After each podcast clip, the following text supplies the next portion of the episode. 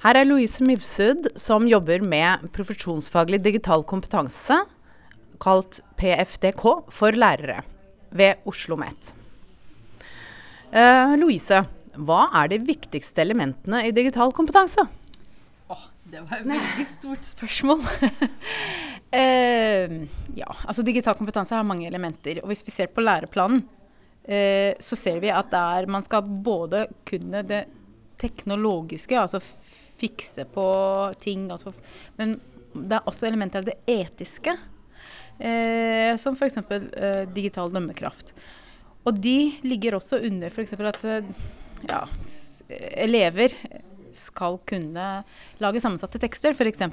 Og da skal, du kunne søke informasjon, finne informasjon, behandle informasjon.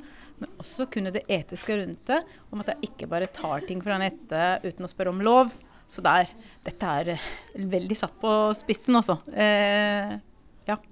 Så det er noe av de elementene som ligger inne. Det er også holdninger, f.eks. Eh, og nå snakker jeg om elever, for, altså, mm. for, for det, altså, digital kompetanse den er jo egentlig ulik avhengig av hvem det er man snakker om.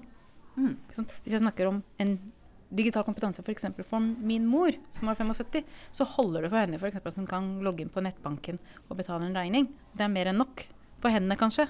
Men hvis du skal uh, være yrkesaktiv, eller hvis du skal være et, et, et, et, barn i skolen, så trenger du mer enn å kunne betale en nettregning. Og hvis du skal være lærer, da må du forholde deg til læreplanen.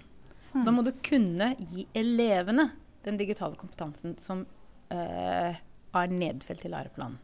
Ja, for hva er egentlig da PFDK, hvis vi da begrenser det til uh, lærernes uh, profesjonsfaglige digitale kompetanse?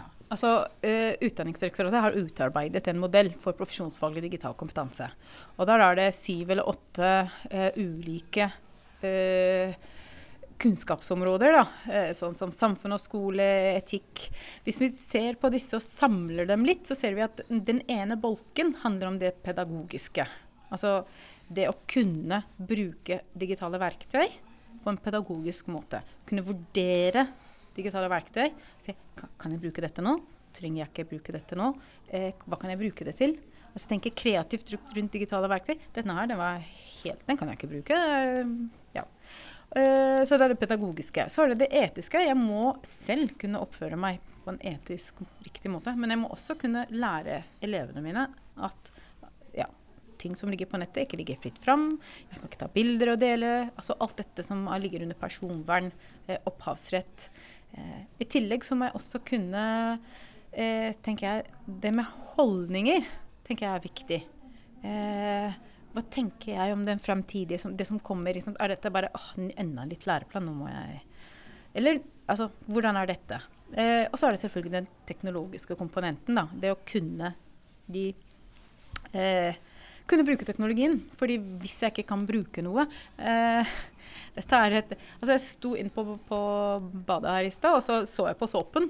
Og jeg skjønte ikke hvordan å få såpen ut. Hvis jeg ikke skjønner hvordan å gjøre en ting, så kan ikke jeg bruke det. Så, så, så enkelt er det. Men dette er veldig satt på spissen, da. Ja. ja. Kjempefint. Men det er kort og godt. Ja. Takk skal du ha.